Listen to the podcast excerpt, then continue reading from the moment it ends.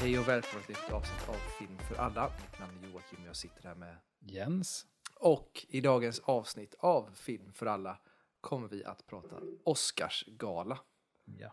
Nu är det som sagt award season. Vi har redan gått igenom Golden Globe-vinnarna. Nu har vi inga vinnare, men däremot har vi de nominerade eh, framför oss. Så Ja. då är ju frågan som jag vill ställa till dig. Hur känner du inför Oscarsgalan? Alltså jag tycker alltid att Oscarsgalan är eh, kul och, och liksom intressant. Det är alltid så här, det är nästan alltid att jag har sett de flesta filmerna, men så är det alltid någon film, eh, en eller två som jag inte har sett, som är med, typ, som är så här, jag måste hinna se den innan galan är så att jag vet vad jag ska tycka, vilka som vinner sen, liksom i slutändan. Eh, men sen, jag brukade ju alltid förut sitta upp och kolla på det också, men det är svårt nu när man har jobb dagen efter. Men är förut tungt. gjorde jag alltid det, när jag var yngre. Så att då, då är min nästa fråga var, ska du se Oscarsgalan? Nej, Var- tyvärr inte. Om inte. Nej, det är på söndagar. Ja, det är synd att det inte är på Ja, tisdagar. den ligger ju lite halvilla. Jag hade ju tyckt att det var trevligare att haft den på en helg. Alltså nu är det ju på en helg, på Ja, ja. söndag. Men Men på en lördag. det hade varit gött, ja exakt. Det hade varit så att man verkligen blev ledig dagen efter. Att annars blir det, blir tjorvigt. Ja. Ja, nej, men jag tänker att vi har ju som sagt fått de nominerade och det har ju varit en del skriverier. Vi kommer ju till det sen, tänker jag, vad det är för skriverier. Men eh, vi kan väl egentligen bara hoppa in direkt på eh, första kategorin, vilka som är nominerade där och vad Ja. vi tror. Kan du börja? Det är då eh, actor in leading role, så huvud, manlig huvudskådespelare. Ja. Eh, och där är de nominerade Bradley Cooper för filmen Maestro, eh, Coleman Domingo för Rustin, Paul Giamatti för The Holdovers, eh, är det Killian Murphy eh, för Oppenheimer och Jeffrey Wright för American Fiction. Och det man ser ändå likheter med, man brukar ju nästan alltid se likheter mellan de här nomineringarna och Golden Globe-nomineringarna. Ja, det är ju typ samma människor. Jag kände inte igen, eller jag kommer inte ihåg nu om, om jag minns fel, men jag kommer inte ihåg han eh, från eh, Col- Coleman Domingo från Rustin, kommer jag inte ihåg från Globe om han var där. Alltså Coleman var ju med i någon kategori Golden Globe, men de har ju de här som är, du vet, actor in drama, Drama och eller musical, bla bla. Så att Coleman var med någonstans, eh, vet jag. Det är en duktig, duktig skådis. Det var han vi, tror vi nämnde lite grann då att han ryktades till, eh, om det var, Kang va? ja precis. Just det, ja, jo, han var ju med i någonting där. Eh, men ja, av de här, vilka... Jag tror ju att uh, Killian vinner den här. Jag varit förvånad om det inte var det. Däremot men- kan det vara en sån här instickare, eftersom att han vann Golden Globe så kanske det blir Bradley Cooper som vinner för Maestro. Det är ju lite politiskt liksom i... i Ja, alltså jag, så tänker jag ju med, men jag tänker ändå att den självklart är lite tråkigt så här egentligen, för jag tycker att alla här är så jäkla bra och förtjänar det på något sätt. Men jag tycker ju ändå att Killian, eh, han vann Golden Globe och så vet man ju också att det är ju den här som vi pratade om innan, Nolan-sekt-grejen. Mm. Så det känns ju ändå som att Killian Murphy har det liksom. Mm, Han, han kommer ta den, jag är ganska övertygad om det. ja. Och det är väl inte så. helt alltså, oförtjänt egentligen. Eh, Nej, så.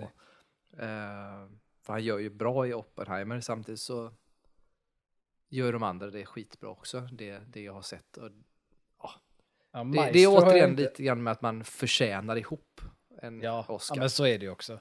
Men Maestro har jag inte sett än. Men den ska jag säga, den är ju enkel att se nu på Netflix. Så att den kommer jag hinna se. Eh, och det känns ju ändå som att Bradley, vad man har läst, att han har gjort väldigt bra ifrån sig den. Men jag tror att det blir, jag menar filmindustrin, det är ju de som röstar liksom här. Och de gillar ju Nolan väldigt mycket. Ja, nej men precis. Många av dem. Nej men precis. Sen tror jag också att du har ju alla andra som är här på som är otroligt duktiga också. Och då tänker jag mig att det finns ju bara en som sticker ut i och med att Oppenheimer blivit lite av en kultstatus och det är ju Cillian Murphy. Jag har Mm. väldigt svårt att tro att det skulle bli någon annan. Ja. Eh, sen tycker jag ju att typ en sån som Jeffrey Wright, han har ju också förtjänat ihop en Oscar. Liksom. Mm. Egentligen eh, skitduktig. Sen är det både Bradley Cooper och Coleman Domingo är ju, ja, om man nu kan säga så, för unga eller för, för nya fortfarande för att kanske ta det. Men samtidigt det ska ju inte vara ett hinder egentligen. Det är som man diskuterar på Guldbaggegalan som var nu i Sverige. Det här nya reglerna med att eh, man får inte bara vinna efter en film. Alltså, har inte jag läst. eh, som skådis. Nej men det, hade ju, det har ju att göra lite grann med att förra, alltså de senaste åren så har det ju varit så här, de som bara kommit in och gjort en film. Typ han som vann, som spelade Zlatan vann ju. Ja, just det. Och jag har ju, alltså jag är lite tudelad i det, för jag har ju egentligen typ full förståelse för att man vill att det ska vara professionella skådisar som vinner, som gör det. För att det som var bra, det pratade vi om, kommer jag ihåg, när vi hade Guldbaggegalan förra året. Eh, att när han vann så kände jag att det borde egentligen vunnits för castingen. Alltså det borde funnits en sån kategori mer än något annat. För att han spelar ju inte, han är ju sån.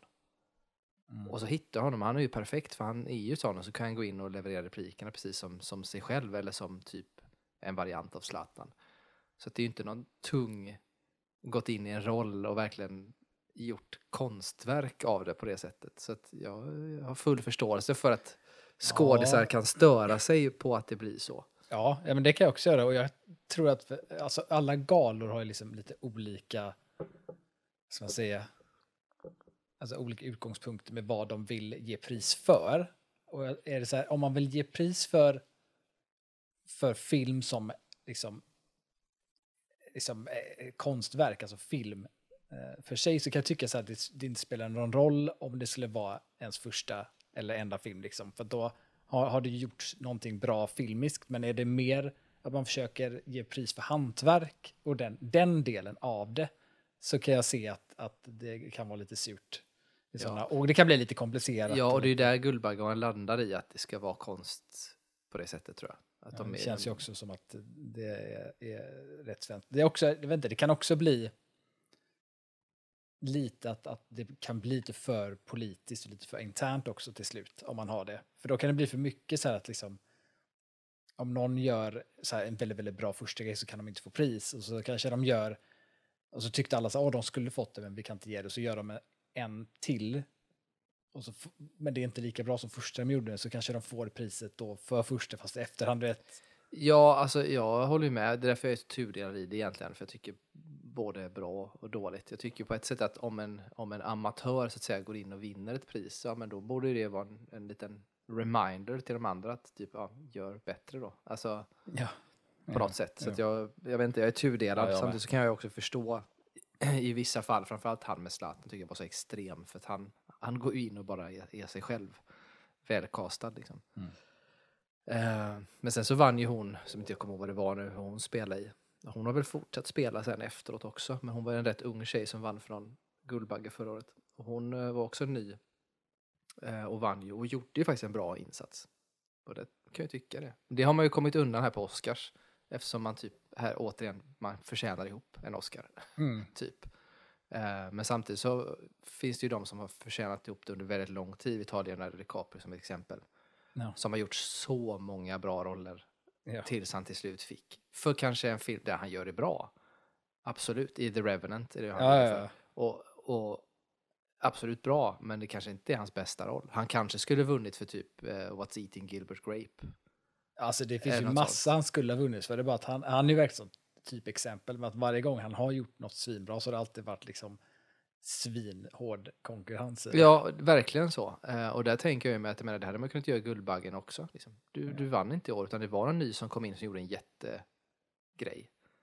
Så att jag vet inte, jag, återigen jag är lite tudelad i det, men jag tycker nog ändå att man ska typ inte ha de reglerna om man ska vara sån. Alltså, alla kan vinna.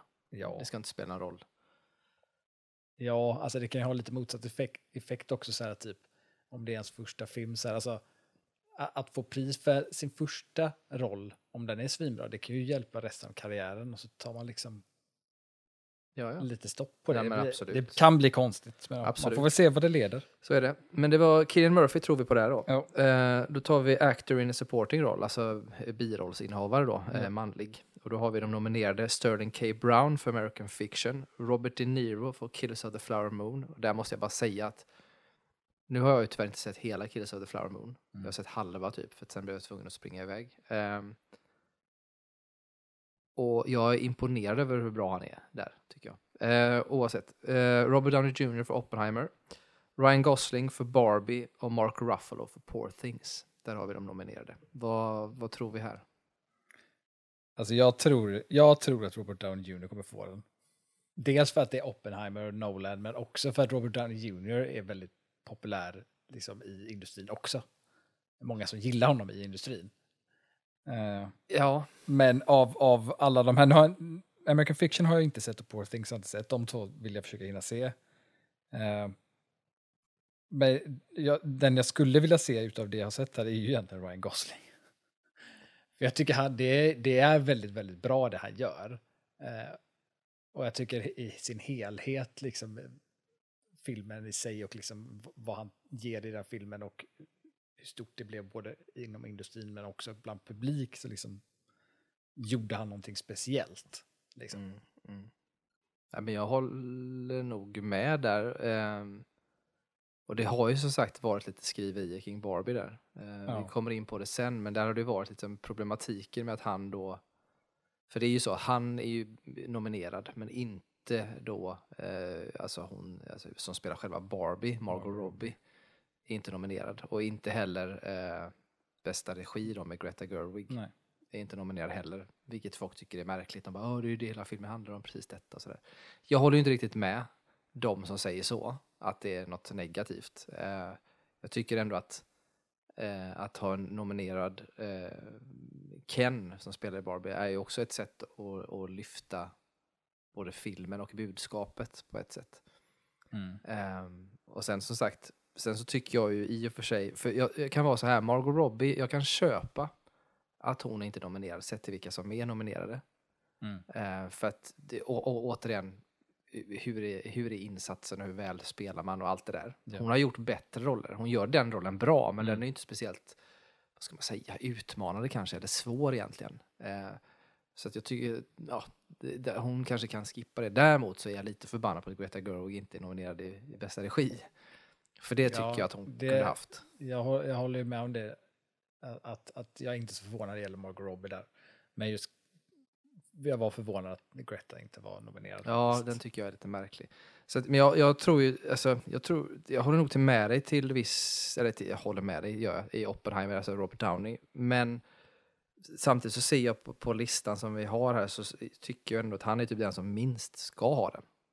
För jag tycker Ja, återigen att han, alltså, det jag pratade det om i Golden Globes liksom, också, ja. att, att han är, han gör inget särskilt i den heller egentligen, sådär som sticker ut. Så Ryan Gosling har en ganska bra chans. Eh, Så jag tycker det ska bli intressant att se Mark Ruffalos i Poor Things. För den har, jag har hört att han ska vara väldigt bra i den. Ja, och alla har gett, alltså jag har sett, och det här är det sjukaste av alltihop egentligen, för jag har sett så många som har, eh, som nu, både på eh, SVT och TV4, allt möjligt så här, som, som eh, filmkritiker. Mm.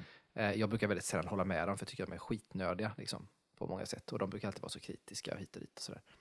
Eh, men jag har sett så många som gett den en fem av fem, filmen. Mm. Vilket gör mig, jag är så jävla sugen fortfarande på att se den. Eh, Ja, jag har varit sugen ända sedan jag såg trailern. Ja, men exakt. Och jag är bara så här, den kommer, den, den kommer vara så jävla bra tror jag. Ehm, och därför tänker jag mig nog att Mark Ruffalo eh, är intressant här. Mm. För den vann ändå lite under, eh, under Golden Globe också. Ja. Så att jag tror att det står mest mellan eh, Mark Ruffalo och eh, Ryan Gosling. Alltså i min värld så Mm. står det mellan de två. Eh, men jag tippar nog på att det kommer bli Robert Downey. Sen tycker jag att Robert De Niro gör en jättebra roll också, ska jag säga. Och eh, American Fiction har jag inte sett, så den kan jag inte uttala mig om. Mm. Ja, hoppa till nästa då. Nästa blir då bästa eh, kvinnliga huvudroll. Mm. Och då är det Annette Benning för Naiad, Lily Gladstone för Killers of the Flower Moon, Sandra Huler för Anatomy of a Fall, Carey Mulligan för Maestro och Emma Stone för, eller för Poor Things. Eh, och utifrån alla de här, alltså om nu Poor Things är så bra som det sägs att den ska vara, så tror jag att vinnaren blir Emma Stone. Ehm, Men om du tänker politiskt. men sen kan jag också tänka mig att, eh, att Lily Gladstone kan ta den. Exakt. Utifrån, dels utifrån att hon gör jävligt bra.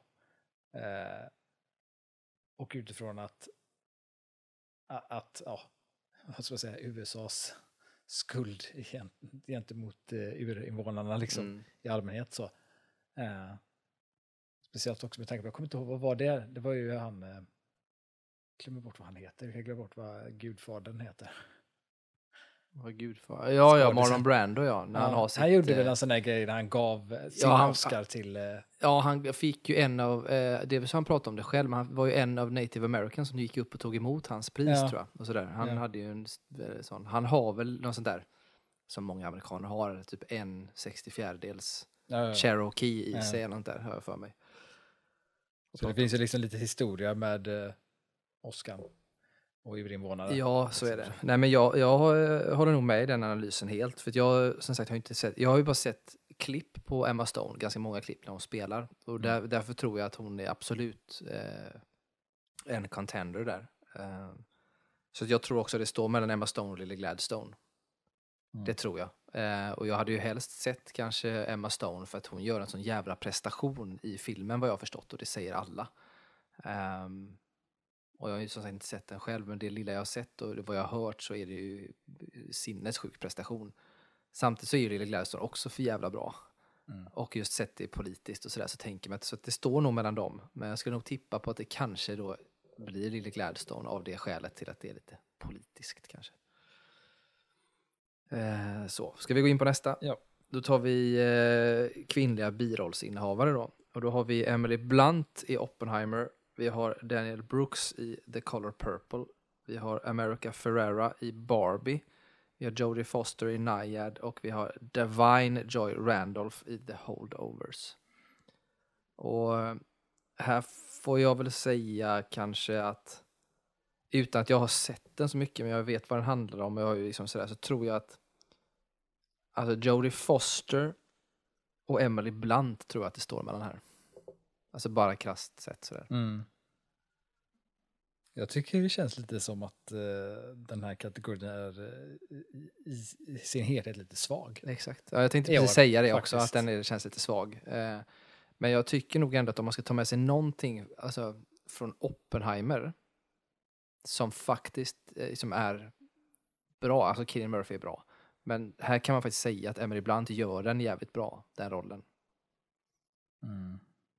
Som Oppenheimers eh, väldigt märkliga fru. Ja. Alltså det är väl, ja. Det är ju Emily Blunt och Jodie Foster som sticker ut mest.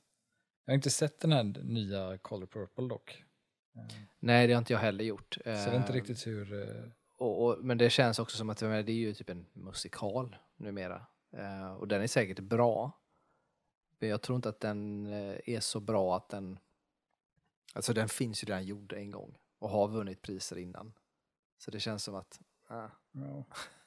tveksam. Lite svår kategori helt enkelt. Ja, lite så. Men jag tror, tittar man på det så tror jag ändå att Emily Blunt eh, tar det. Ja. Ehm, Förmodligen. Annars så skulle jag tro att Naya då, för det handlar om, det är väl ett lesbiskt, eh, jag tror det är simmare det handlar om. Ja, det är den filmen. Ja. Just det, jag satt och försökte tänka vilken film det Där, var. där Just Jodie. Foster är, om hon är tränare eller om hon är simmare. Jag kommer inte ihåg hur det är. Det är någon som ska simma när de är lite äldre på någon jäkla vänster. Jag får att hon ska simma. Ja, men det är något sånt. Och jag har sett lite klipp och sånt från den och jag tror hon gör en ganska stor, ehm, alltså hon gör en stor roll. Det kändes som en sån här Oscarsfilm, typ. Alltså den Ja, men trailer och sånt på den. lite, lite så. Eh, och sen har ju Jodie Foster ändå i sig fått ett lite uppsving med liksom nya True Mm. Detective-säsongen och sådär. Som jag för övrigt inte har sett, för jag sparar avsnitten nu. Så jag vill inte ens tänka på att de finns. Eh, nej, men jag tippar nog Emily Blunt på den här. Tätt följt av Jodie Foster. Okej, eh, nästa kategori blir då eh, bästa animerade långfilm. Mm. Och där är ju då inte förvånande The Boy and the Heron av Hayao Miyazaki nominerad. Och så Elemental som är en Pixar-film. Som är alltid så här, det måste nästan alltid vara en Pixar-film med i nomineringarna. Och sen är det Nimona som vi har pratat om förut som är en Netflix-film. Som, Mm. eh, Och som jag också Som- har sett. ja, som jag, du har så, sett. jag såg den efter Ja. du eh, och jag pratade om den. Ja. Eh, och sen är det Ro- Robot Dreams, som jag inte ens vet vad det är, men bara namnet får mig att vilja se Det låter som en film du har gjort. Exakt. Eh, och sen var det Spider-Man Across the Spider-Verse. Ehm, och alltså jag vet inte, jag har svårt att se att uh, Hayao inte vinner. Eh, Här är det, nu har vi inte sett Robot Dreams, de andra vet vi vad det är typ. Ja. Men Robot Dreams har vi inte sett. Eh, så.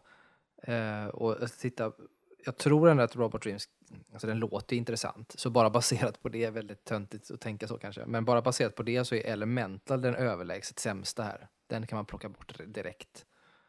Ja, alltså Ehm, den har inte ens, jag är lite förvånad, jag vet inte ens riktigt varför den är nominerad. Jag har ju hört att den inte, inte alls bra. är bra. Nej, jag vet, jag har hört det också. Så den kan man plocka bort. Sen så är jag nog i, alltså sen tycker jag att det står mellan, det står mellan Spider-Man och The Boy and the Heron. Egentligen. Ja. Och här tror jag att The Boy and the Heron kommer plocka det lätt. För Ja, att det. Spider-Man har ju liksom gjort eh, liksom en innan. Eh, som vann va? Den gjorde väl det? Förra gången? Jag tror att den vann. Ja, jag har för mig att den Jag gjorde har det också. det. Eh, så jag tror att The Boy and the Heron kommer att plocka denna lätt också. När jag kollade upp vilka Robot Dreams var. Eh, jag vet vilken film det är. Jag såg trailer på den för inte så länge sedan. Eh, och det var, det, den har ju två saker då som egentligen funkar för mig. Och det är att liksom, det handlar om en robot och en hund. Ja, Eh, passande. Så att det funkar, men det är så, The Adventures and Misfortunes of a Dog and a Robot in New York City during the 1980s. Um, Det låter ju jävligt coolt. 80-tal ja, är men den är ju väldigt, liksom, det är en väldigt så här ljus och, och liksom glad eh, Ja, stil på den sådär. Eh, och att det är alla, alla vad jag såg i trailers var att alla hundarna liksom är ju som människor typ, om jag kommer ihåg rätt. Mm. Eh, och så för mig att den här roboten på något sätt ska vara Om man, ska, av, av försöka, assistent. om man ska försöka måla upp en bild för er när vi pratar om hur stilen ser ut så kan man t- tänk gam, gamla typ Jetsons eller Flintstones nästan i tecknat fast mer cleant typ. Eh, men det är så Ja. klassiskt tecknat liksom nästan Ja. ljust i det. Så att, ja. Nej, tänka. men eh, men där tror jag det. det Boy and the Heron. Hayao vinner nog det. Ja, det tror jag med. Då går vi in på, det passar, det var bra att vi började så för det passar så bra i kategorierna. Du fick ta animated feature film och jag får ta cinematography nu då som nästa Ja. kategori. eh, och på, här har vi El Conde med Edward Luckman. eh, Killers of the Flower Moon med Rodrigo Prieto. Maestro med Matthew Libatic. Och Oppenheimer med Hoyte van Hoytema och Poor Things med Robbie Ryan då. Som är nominerade. Och, åh shit, här tycker jag ju faktiskt att det är ganska svår eh, kategori. Sett till vad Maestro är för film, alltså det är ju återigen att man kan ju, jag, det är ju så här man föredrar ju filmfoto på ett visst sätt, hur det ska vara. Men man får också titta på vad det är för film som görs och hur, man, hur väl man använder sig av, av fotot till filmen. Ja, En ju- hade kanske inte passat in i en Maestro-film, till Ja, exempel. precis.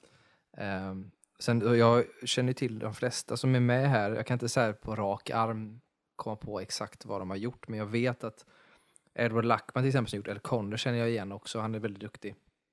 Eh, och jag tycker att fotot i eh, Killers of the Flower Moon är också fantastiskt bra. Mm. Eh, Oppenheimer är ju också magiskt bra, men det är för att det är Hoyte. Och sen har vi ju då eh, Poor Things. Och den har man ju inte sett, men jag har ju sett klipp från den. Och där tycker jag att fo- fotot är för jäkla snyggt också. Ja, det, det jag har sett från klipp på Poor Things var att jag reagerade på hur kameran används. Ja, för den används väldigt bra. Samtidigt ska man också ge det att man får inte heller blanda ihop det, för det är lite grann när man behöver se hela filmen. För Ja. fotot är en sak, men sen är ju själva setpieces, scenografin, en annan. Ja. Eh, och de hänger ju ihop såklart. Eh, men här, ja, jag vet fasen, jag tycker att den är svår. För Hoyte har ju vunnit innan. Och han är ju... Alltså det är ju min typ favorit, men... Ja, jag vet inte alltså. Jag, ja, jag, vet, jag tycker att det är skitsvårt. För Ja, min del står det nog mellan eh, Oppenheimer då med Hoyte och eh, Poor Things med Robbie Ryan, tror jag. Ja, jag tror också att det står mellan de två och även Killers of the Flower Moon. Jag Ja, jag, den kommer på min typ tre. Den är också uppe där och, och kandiderar, tror jag. Men ja, om, man ska, om man ska försöka vara så vi inte är så mesiga, utan vi ska försöka sätta i alla fall någon vad man tror, då tror jag att Ja, jag tror rent krasst att Poor Things borde vinna. Men jag tror att Oppenheimer vinner. Jag tror att Hoyte vinner. Jag tror att de har röstat så. ja, Och det har framförallt att göra med att jag tror att, att Poor Things typ, vet inte, kanske kom för sent eller något, jag vet inte. Men det är lite så, här, jag tror att, att alla priser, för att Oppenheimer är ju den som är, har flest nomineringar och sen tror jag att Poor Things är, är på andra plats. Eh, men Poor Things kan vara en sån där film som jag tror liksom är överraskningen. Liksom. Att de tar hem fler vinster än vad Oppenheimer gör. Eh, för ibland har de sådana år på Oscarsgalan när det är liksom en liten sån film från, kommer från sent in i spelet så att säga och, och liksom tar många priser. Mm. Eh, så det ska bli intressant att se. Eh, jag har jättesvårt att se vilken jag tror skulle vinna för att jag har inte, det är bara två av dem jag har sett. Eh, men rent, rent, ja, jag tror ju rent politiskt Oppenheimer, men eh, Jag, Killers of the Flower Moon för mig, om jag jämför de två filmerna så tycker jag att Killers of the Flower Moon var lite, vad ska man säga, lite mer, eh, använde fotot mer för att stärka liksom, världen på något sätt, alltså, och berättelsen som världen är i. Ehm, ja, jag håller med. Men jag håller med. vilket gör att jag tycker att det, det känns lite mer, men det är också så här, det är ju typiskt, alltså har man Martin Scorsese med sig som regissör så är det ju, liksom, han har, har ju också saker att säga till om. Så att jag kan tänka mig att det är väldigt mycket, man har fått ut väldigt mycket utifrån det. Men eh, Ja, men jag tror det. Jag tycker ju, så, om man tittar på, för Hoyte återigen har gjort massa bra saker som jag tycker om innan. Jag tycker inte att han, hans bästa han har gjort är inte i Oppenheimer. Det tycker jag inte. nej, Eh, jag håller med. Därför ty, för jag tycker jag tittar på, när, när jag såg på Killers of the Flower Moon så slås jag ju över hur väl man använder fotot i den. Jag tycker att det är bra.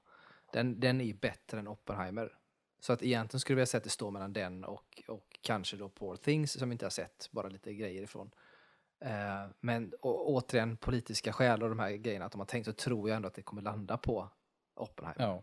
Men jag tycker att Killers of the är bättre sett till om man bara plockar ut de två Mm. Ja, nästa då. Nästa är eh, Costume Design. Då är det Barbie av eh, Jack, Jacqueline Duran och Killers of the Flower Moon av Jacqueline West. Eh, Napoleon, Janty Yates och Dave Crossman, Oppenheimer, Ellen Mirojnik och Poor Things, Holly Waddington. Eh, och Costume Design är ju, är ju intressant, tycker jag, pris sådär, för att det är så här, Kostymkategorin. Här ska jag säga att om, om man tittar på den här, vi pratade om att det var en svag kategori på kvinnlig biroll, ja, så här så är det här stark- en extremt stark kategori. Det har varit många filmer som krävs bra kostym. För här är det fan bra grejer, typ he- helt igenom kan man säga. Är också så här, kostym tror jag liksom allmänna pu- publiktittare inte riktigt tänker på när det är välgjort liksom.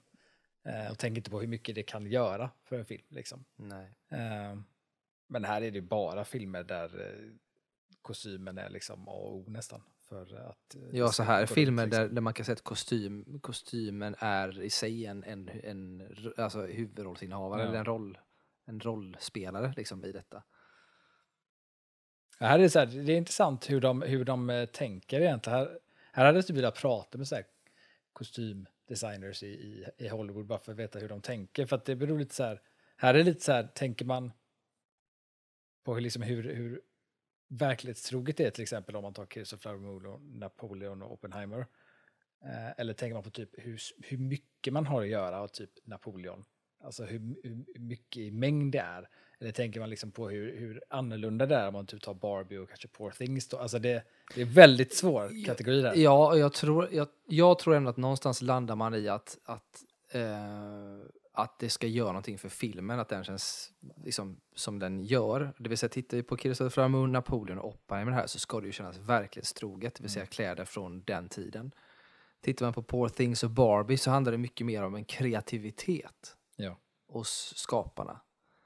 Och det här som jag tycker är så svårt för att det är, det är liksom varsin ände av spektrat ja, som man ska ta och som jag tycker att alla här har gjort det så jävla bra egentligen. Ja, här, här är det så här, jag, för mig är det så här, vilken som helst av de här filmerna skulle kunna vinna.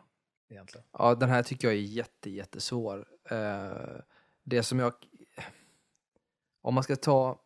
Om man ska dela upp det, om man ska säga så här då, om man ska välja, välja en av dem som är mer kreativa och en av dem som är historiskt så, där, så tycker jag att kanske de här som är historiskt, liksom, alla är ju korrekta, men sett till att det är bäst gjort och att det har mest betydelse och som kanske är svårast för att det kräver mycket mer research så är det Killers of the Flower Moon.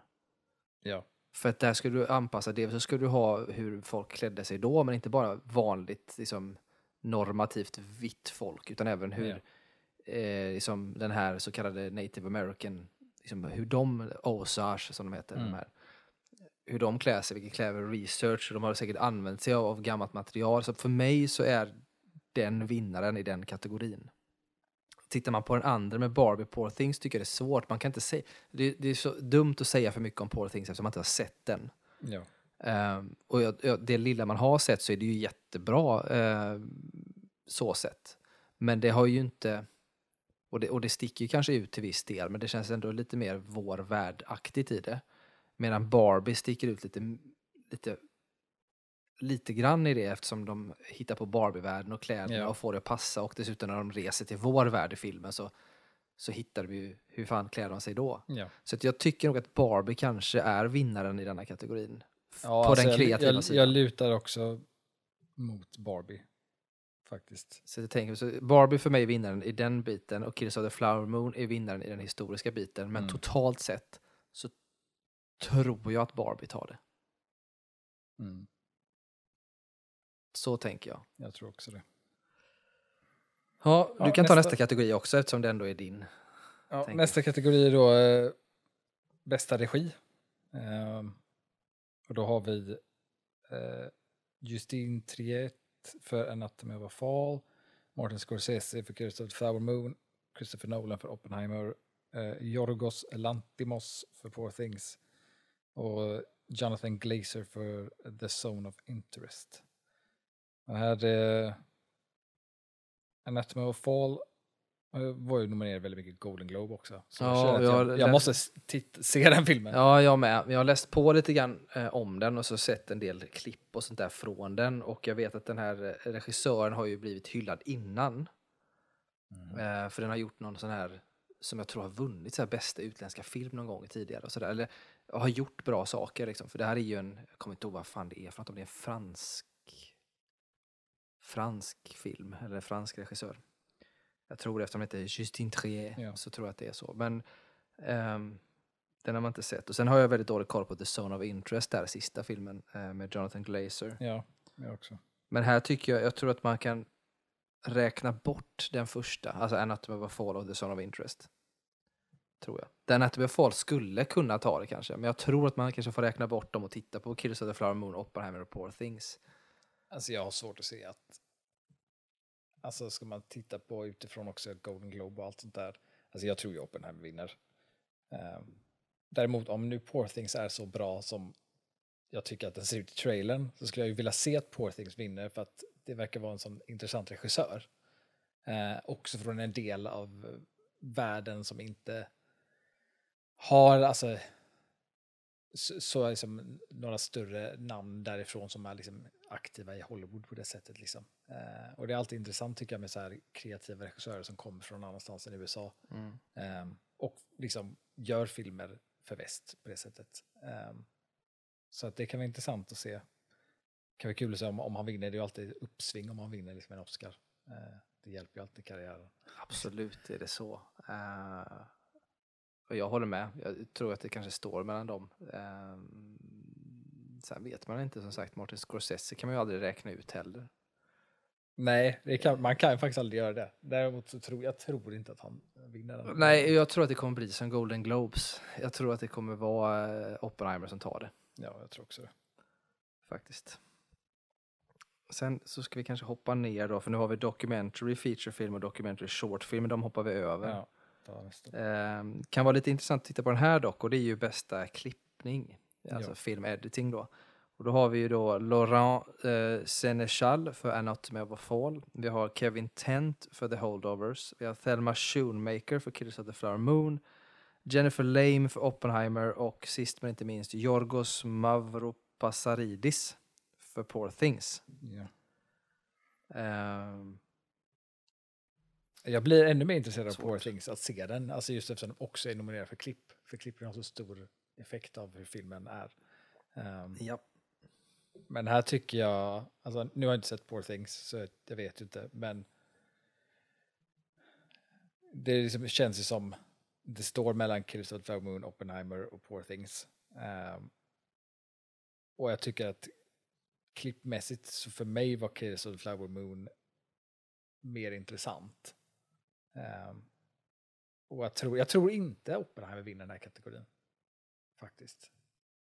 Nej, jag tänker lite så också. Alltså det beror lite grann återigen på vad man, vad man baserar det i, i själva kriterierna för det.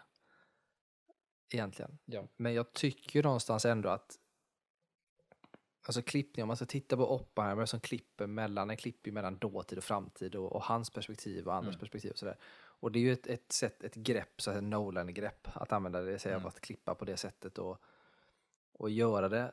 Samtidigt så blir det återigen lite så här, jag kan tycka att det blir nästan lite för pretentiöst eh, i det. Och att Killers of the Flower Moon har en mycket jämnare tempo och klippning. Vilket gör för mig att jag tror att, eftersom jag inte sett Poor Things så tror jag nog att min favorit här är Killers of the Flower Moon. Mm. Så skulle jag nog säga. Jo. Det tror jag. Ja, tar du nästa då?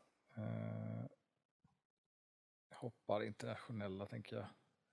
Uh, makeup och hairstyling. Alltså det kan man ju bara nämna fort. Eh, nominerade, det är massa namn så jag nämner bara filmerna här. Det är Golda, Maestro, Oppenheimer, Poor Things och Society of the Snow. Ehm, Golda är ju filmen som gjordes med, med hon från Modern Family, alltså Sofia Vergara. Eh, när hon spelar Golda Meir. Nej, vad heter det? Nej, Golda, inte Golda Meir, utan nej, Golda, inte Sofia Vergara, jag skojar. Det är ju, men tänk, eh, det är ju, Sofia Vergara är ju med i den här Netflix-serien nu. ja men precis när hon spelar, och det är inte Golda, utan det här är en som spelar Golda Meir och det är ju, är det Helen Mirren? Tror jag, som spelar Golden, Golda Meir. Eller nå- något sånt där är det. Jag vet inte, hon fick kritik för att det inte var en riktig judinna. Något sånt där. Ja, ja, ja, just det. Just det, Eh, just det. sådär. Men hon är, ju- och det är ju liksom, och jag vet att när någon såg det, en svensk kritiker som, som hade sett den och tyckte att det var en dålig makeup. Och Jag blev så här, du är ju dum i huvudet. Jag såg ju klipp från det Mm. och jag tyckte att det var jätteväl gjort. Det var ju skitbra. Men hon tyckte att det var så här, uncanny valley. konstigt." Och jag blev bara så trött på eh, svenska kritiker. Jag kan ju Eh, tycka av den här kategorin så tror jag att eh, Maestro eller Poor Things tar den. Jag tror Poor Things. Ja. För att om man tittar på Poor Things så ser man hur jävla mycket de har gjort med, med just makeup och hairstyling. Ja. Eh, framförallt kan man titta på Willem Dafoes karaktär. Mm. Eh, sådär. Så att den tror jag där. Ja, går vi in på nästa då. Eh, musik, original score. Alltså, Ja. fi, alltså originalmusik i film. Och då har vi eh, eh Laura Carpman för American Fiction. Vi har John Williams för Indiana Jones and the Dial of Destiny. Vi har Robbie Robertson för Killers of the Flower Moon. Ludwig Göransson för Oppenheimer och Jerskin Fendrix för Poor Things. ja, jag vet ju att eh, John Williams eh, är den äldsta nominerade någonsin. Ja, det måste han ju han vara. Han är han slog, han slog sitt eget rekord för han var äldst innan också. Ja, men han är så jävla gammal. Han är ju 90, jag vet inte vad han är, men han är bra gammal. Och skulle pensionera sig, men har ju tagit tillbaka Ja. det. Eh, Så är det. Ja, man, kan, alltså det är på något man kan aldrig räkna ut John Williams, men jag tror inte att han vinner. Man kan aldrig räkna ut honom. Eh, men sen av de här, Poor Things har vi ju inte sett då, men ehm, Oppenheimer vann väl på Globe för det här Mm. va? Ja. Ehm, jag skulle vilja se av, av de jag har sett Killers of the Flower Moon, Oppenheimer eh, och Indiana Jones, så skulle jag vilja se att Killers of the Flower Moon vinner. Av samma skäl som jag tror jag sa på Golden Globe. Uh, att jag tyckte att, att musiken används den är lite mer intressant och lite mer sammanvävd på något sätt. Uh, och är, är väldigt, väldigt bra. Och jag tycker Ludwig är väldigt bra i Oppenheimer, det är bara att det är inte det bästa jag tycker han har gjort. Det tycker jag är svårt alltså. Jag tror ju, alltså jag tycker att alla är bra, men jag, jag hoppas ju nog på Ludvig. Och sen har jag inte sett så mycket från, från, återigen från Poor Things, men det lilla jag har sett så tycker det känns som att musiken där sticker ut och är väldigt speciell, precis som resten av filmen är. Så att på något sätt så hoppas jag ju, eller jag hade velat att Poor Things kanske vinner detta. För jag tror att den är så speciell, den sticker verkligen ut på det sättet. Annars så tror jag på eh, Ludwig och Oppenheimer. Så ska Mm. säga. Sen kommer Music Original Song, men den kanske vi kan hoppa över. Ja, det kan vi hoppa Eh, över.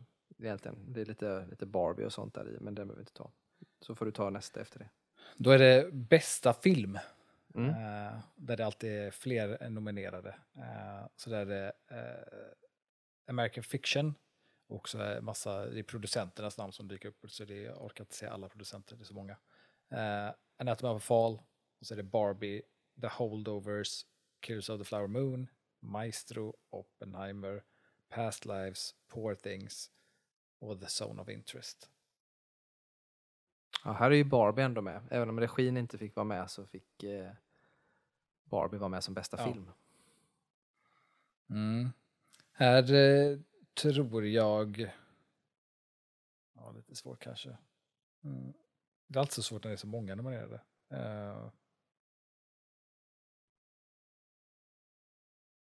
Ja, jag vet inte. Alltså, det här känns det som, det, det är lite så här, vinner Oppenheimer regi så tror jag Poor Things möjligtvis vinner bästa film.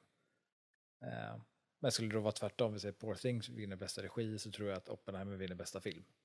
Eh, det brukar ofta vara så. så här, typ, för det känns som att Poor Things och, och eh, Oppenheimer utifrån vad man liksom läser från Hollywood, det känns som de två är de stora liksom, contenders i det hela. Och jag, jag tycker återigen, får man säga att Poor Things verkar vara så speciell som film och göra någonting nytt. Så det känns som att Poor Things vinner denna.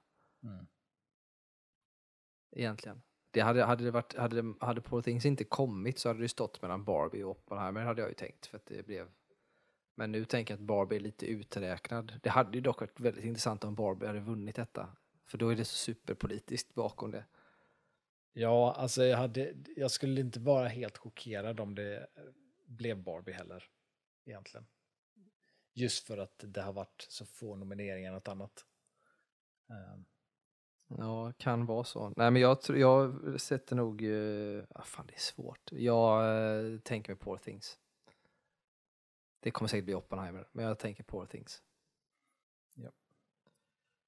Kommer vi in på production design. Och nu pratar vi ju bygga världarna i princip. Um, och här har vi ju då också massa namn så att ta filmerna. Då har vi Barbie, Killers of the Flower Moon, Napoleon, Oppenheimer och Poor Things mm. Återigen så står det här tycker jag mellan Poor Things och Barbie. Ja, det tror jag också. Och jag tror att Poor Things vinner. Det tror jag med. Bra, kan vi gå vidare till, jag vet inte vad du ska ta nästa kategori. Eh, eh, eh. Vi skulle kunna ta ljud, bara Ja. för att... eh, Det tror jag är bra.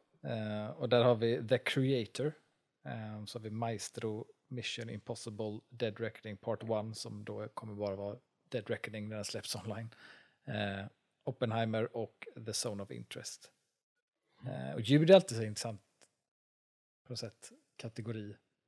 För det, på något sätt, man sitter ju inte riktigt alltid och tänker aktivt på ljudet varje gång man tittar på en film. Liksom. Eh, om det inte är så att ljudet är dåligt, typ i Tenet. Där satt jag ju och tänkte på det hela tiden för att det var skumt. Eh, men av alla de här så är det så mycket, för det är så mycket ljud, det handlar ju så mycket om att det ska vara alltså bala, balans i det. Eh, och, och tekniskt, det är mycket liksom det tekniska ljudet. Delvis teknisk och balans, men jag tänker också att det ska vara ljud som, det, det ska ju fånga dig i filmen. Ja. Och det ska också vara rätt ljud vid rätt tillfällen för att öka, det är som musiken liksom. Det ska öka känslan för någonting. Och här tycker jag nog ändå, ja, man hade nästan velat se The Creator på med så här riktigt bra, vad heter det? Nä, nästan med sitta lurar på sig. ja. Men, alltså, Maestro är ju den jag skulle vilja se för att det är ändå en film om, om musik typ. Ja, Eh, exakt. Så den hade man ju velat se lite och se hur de har gjort med ljuddesignen där. Men The Creator vet jag att jag tyckte ja, hade väl intressant ljuddesign i. Eh, och använde sig av, av, ljud som, som liksom stärkte liksom världen väldigt bra tyckte jag. Ja, precis. För det var Eh, både liksom, vet, ljud som var liksom världens ljud men också ljud som bara är för tittarna. Som jag tyckte var väldigt bra i Creator. Ja, nej, men jag tycker också att det, för mig står det mellan The Creator och eh, Oppenheimer. Ehm, jag, tror, jag tror nog att Oppenheimer tar det, jag får nog säga det. För att de, de gör ljudet just på, du vet, när, när de tar de här när atomerna ska klyvas och du vet alla de här sakerna. De gör det väldigt skickligt, det är subtilt men det är skickligt. Jag tycker nog att ljudet där är, är väldigt bra. Så jag tror att Oppenheimer kommer ta det. Om inte annat så är det The Creator, tänker jag. Mm. Ja, kan jag ta nästa kategori då? Ja, då går vi in på visuella effekter. Det här är också intressant. Och här har vi ju då uh, The Creator nominerad. Sen har vi Godzilla Minus One, Guardians of the Galaxy Volume 3, Mission Impossible Dead Reckoning Part 1 och Napoleon.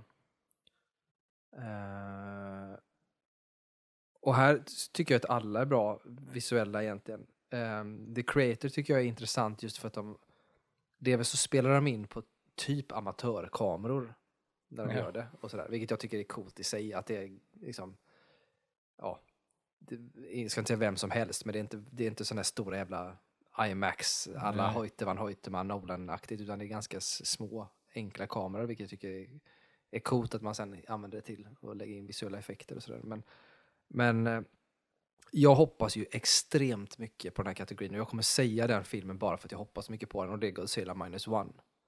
Jag har inte sett Godzilla minus one, men där är, det är ju typ en, alltså det är en japansk film då. Eh, för er som inte känner till det. Det är alltså inte, hör inte ihop med det här Godzilla-verse som skapats, alltså Monsterverse som när man gör Kong och Godzilla Nej, här, utan det här är liksom sin en, egen. en sin egen, Godzilla. och det, man kan nästan kalla det för en, en indie-film.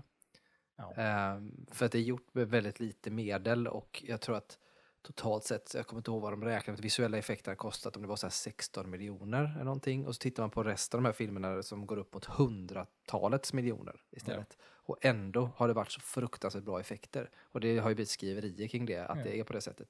Därför både tror och hoppas jag på Godzilla minus one. Mm. Jag såg nedbrytning på eh, effekter i, i Godzilla Minus One där. Eh, det, det är dels att, att liksom effekterna man ser som Godzilla ser bra ut så. Men det är också väldigt mycket effekter som är sådana här att, att du måla bort bilar och måla bort Mm. grejer. Sånt där som man inte tänker på när filmen sen är. Eh, Väldigt mycket sånt i den. Eh, som är snyggt och mycket så här använda sig av alla trick man har typ. Eh, så från ett liksom kreativt film intresse så, så tycker jag, vill jag se Godzilla vinna den. Eh, jag tycker att Mission Impossible och Galaxy, Guardians of the Galaxy är sådär, inte, den typen av så här visuella effekter är man så van vid att se. Så jag är lite såhär, Ja, men de gör sitt jobb liksom, Ja. och de gör det jättebra, absolut. Men, just, men, där är det också att prislappen på deras speciella effekter ja, som, som, som egentligen inte är effekter som behövs rent kast, men som de använder är fortfarande kanske fyra, fem gånger högre Ja. än i Godzilla minus one. Och det är synd att Godzilla minus one inte är nominerad i fler kategorier, för de gör ju andra saker som är väldigt bra i den. Folk har ju beskrivit det som, som liksom både skådespelandet och sätt till att fånga en mänsklig berättelse i en Godzilla-film har varit väldigt bra. Och sådär. Så att, ja, nej, jag tror och hoppas på den. ja, jag med. Mm. Uh, är det två kategorier kvar? Vi får väl ta båda kategorierna då som är kvar. Ja, eh, och då är första av de två sista där eh, bästa manus eller bästa adaption av ett manus. Mm. Så det är fr- från en tidigare förlaga. Eh, då är det American Fiction, eh, skriven av Cord Jefferson. Eh, Barbie, skriven av Greta Gerwig och Noah Baumbach, Mm. kanske man säger. Eh, Oppenheimer, skriven av Christopher Nolan. Poor Things, skriven av Tony McNama, McNamara. Na- McNamara. och The Zone of Interest, skriven av Jonathan Glazer. Mm. Ja. Här pratade vi lite grann innan att jag inte riktigt förstår det här med adapted och eh, det som kommer sen som är original screenplay, för jag stör mig lite på det. För Poor Things till exempel, jag vet inte var den är adapted ifrån. Eh, Det var en bok tror jag. jag har ingen aning. Och så Oppenheimer är ju också så här att det är ju en biografi, men och det är ju en bok som har skrivits eh, där som man då har gjort. Men det är så här att hade de inte bara kunnat ta alla Oppenheimer Alltså vad är det som skiljer ut dem? Barbie, samma sak. Det finns ingen alltså, det finns ju ingen berättelse kring Barbie som man berättar, utan det är ju, det är ju en original, det är en karaktär som finns, men det är inte, ja, vet Det är inte. från en för, tidigare förlaga. Ja, men Det då inte kommer vi in svårt. på de andra sen som också är Maestro som är en tidigare förlaga. Som är en person Nej, men det är inte en tidigare förlaga, det är en person. Jag är helt hundra på att det finns en bok om Jo, men det också. spelar ingen roll om det finns en bok. Alltså Oppenheimer, det finns ju säkert fler böcker om Oppenheimer. Men det är specifikt en bok som Nolan har valt För mig är det här semantik. adaptera. Det är bara för att man har sagt att man har läst den här och gjort det. Det är töntigt. När Han, Christopher Nolan har köpt rättigheterna för den. Ja, ja, jag fattar. Jag tycker bara att det är störigt. Jag tycker att det ska vara så här, antingen är det adapted och då är det liksom från en bok eller så är det original och då är det inte från någon som helst liksom, förlag överhuvudtaget. Så tycker jag att det ska vara. Jag tycker det är konstigt sak att störa sig på. Känns som du, lå- du gör det mer komplicerat än vad det är. Ja, det är så min hjärna funkar. Men jag tror att av de här... Eh, ja, jag, jag tror att Barbie har en rätt stor chans att vinna den här. Ehm, faktiskt. Ja, jag tycker att det är svårt. Poor Things har man ju som sagt inte sett. Oppenheimer och sådär. Alltså, jag tänker mig att Barbie har ju ändå blivit nominerad i några kategorier. Inte supermånga. Nej. Om man jämför med typ Oppenheimer och, eh, och Poor Things. Så jag tänker mig nog ändå att Barbie kanske, de kanske får denna i denna kategorin. Mm. Det, jag kan nog köpa det faktiskt. Så är det sista kategorin kvar. Ja, och då är det ju också då manus, bästa originalmanus. Och då har vi ju eh, då Justin Trier och Arthur Harari för Anatomy of a Fall. David Hemmingson för The Holdovers. Vi har Bradley Cooper och Josh Singer för Maestro. Vi har eh, Sammy Birch för May December och vi har Celine Song för Past Lives. Här har jag bara sett en film. Men det är också den filmen jag vill ska finna för att den är svinbra skriven och det är Past Lives. Ja, den här tycker jag är svår. Eh, vi har inte sett någon av dem. Jag har, eller jo, jag har börjat titta på The Holdovers så att, eh, och sådär. Och jag har ju sett grejer från Maestro, läst om Maestro, samma sak med May December, samma sak med Past Lives.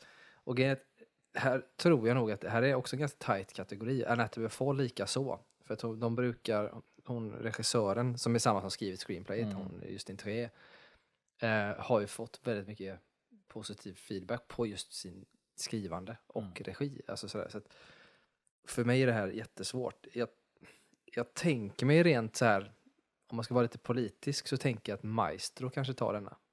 Ja, kanske. För att Bradley kommer nog inte vinna något annat i detta. För det är liksom too soon typ. Men här kanske han tar. Sen tror jag ändå att May December till exempel så är nog också bra gjord.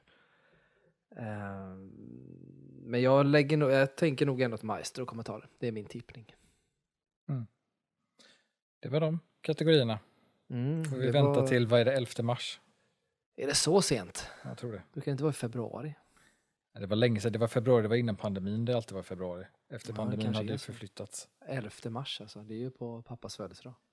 Ja, ti- 10 mars är, är liksom galan. Men vi får inte veta det förrän 11 mars för att det blir natten. För Ja, oss, och då, för- är det, för- då är det den 11 för Ja, oss. för vår del så blir det väl natten, alltså det blir 11, det är 11 mars för oss. För oss, men natten. för dem är, det tionde. Ja, precis. Eh, ja, ja, vi får väl se helt enkelt. Men det blir spännande att, att se. Vi eh, kommer ju bli tvungna att ha, ha, ett avsnitt. eh, Vi pratar om vilka som har vunnit. om vilka som vunnit, ja. tänker jag. Så då får man tune in då, tänker jag. Ja. Helt enkelt. Men ja, vi får väl gå vidare, tänkte jag säga. Lämna, eh, spelat in ett tag här. Hoppas att alla njöt av eh, förra veckans avsnitt om Tim Burton. Ja. Tycker jag själv är ett av de kanske bästa avsnitten vi har. Tyckte det var ett bra avsnitt. Det var ett bra avsnitt. Eh, och sådär. Och eh, som vanligt, är det någonting som ni själva känner att vi ska ta upp, antingen en skådis eller en regissör eller en företeelse inom film på något sätt eller serier, så är det bara att höra av sig. Antingen till eh, film for alla contact at gmail.com va? Ja. Och eh, annars kan man skriva på DM på Instagram. Ja, det är väl typ det man kan göra tror jag. Vi har inte så många fler. Man kan tweeta oss eller exa oss också om det skulle vara så. Eh, för där finns vi också. Så gärna. Och sen har vi ju vår kära Facebook-sida som man gärna får gå in och bli medlem på. Eh, där lägger vi upp eh, när det kommer nya avsnitt och så brukar vi dela lite nyheter och sånt där också som, som dyker upp i våra, våra flöden. Så att, eh, gå gärna in där. Ju fler desto bättre. Och tipsa era nära och kära om en fantastisk fin podd. Den är bra att somna till har jag hört. Så att det kan man ju alltid, alltid ha med sig också om man vill ha något att somna till. Lyssnande på våra röster. Men men, eh, ja, tack för idag så hörs vi igen nästa vecka. Ha det bra.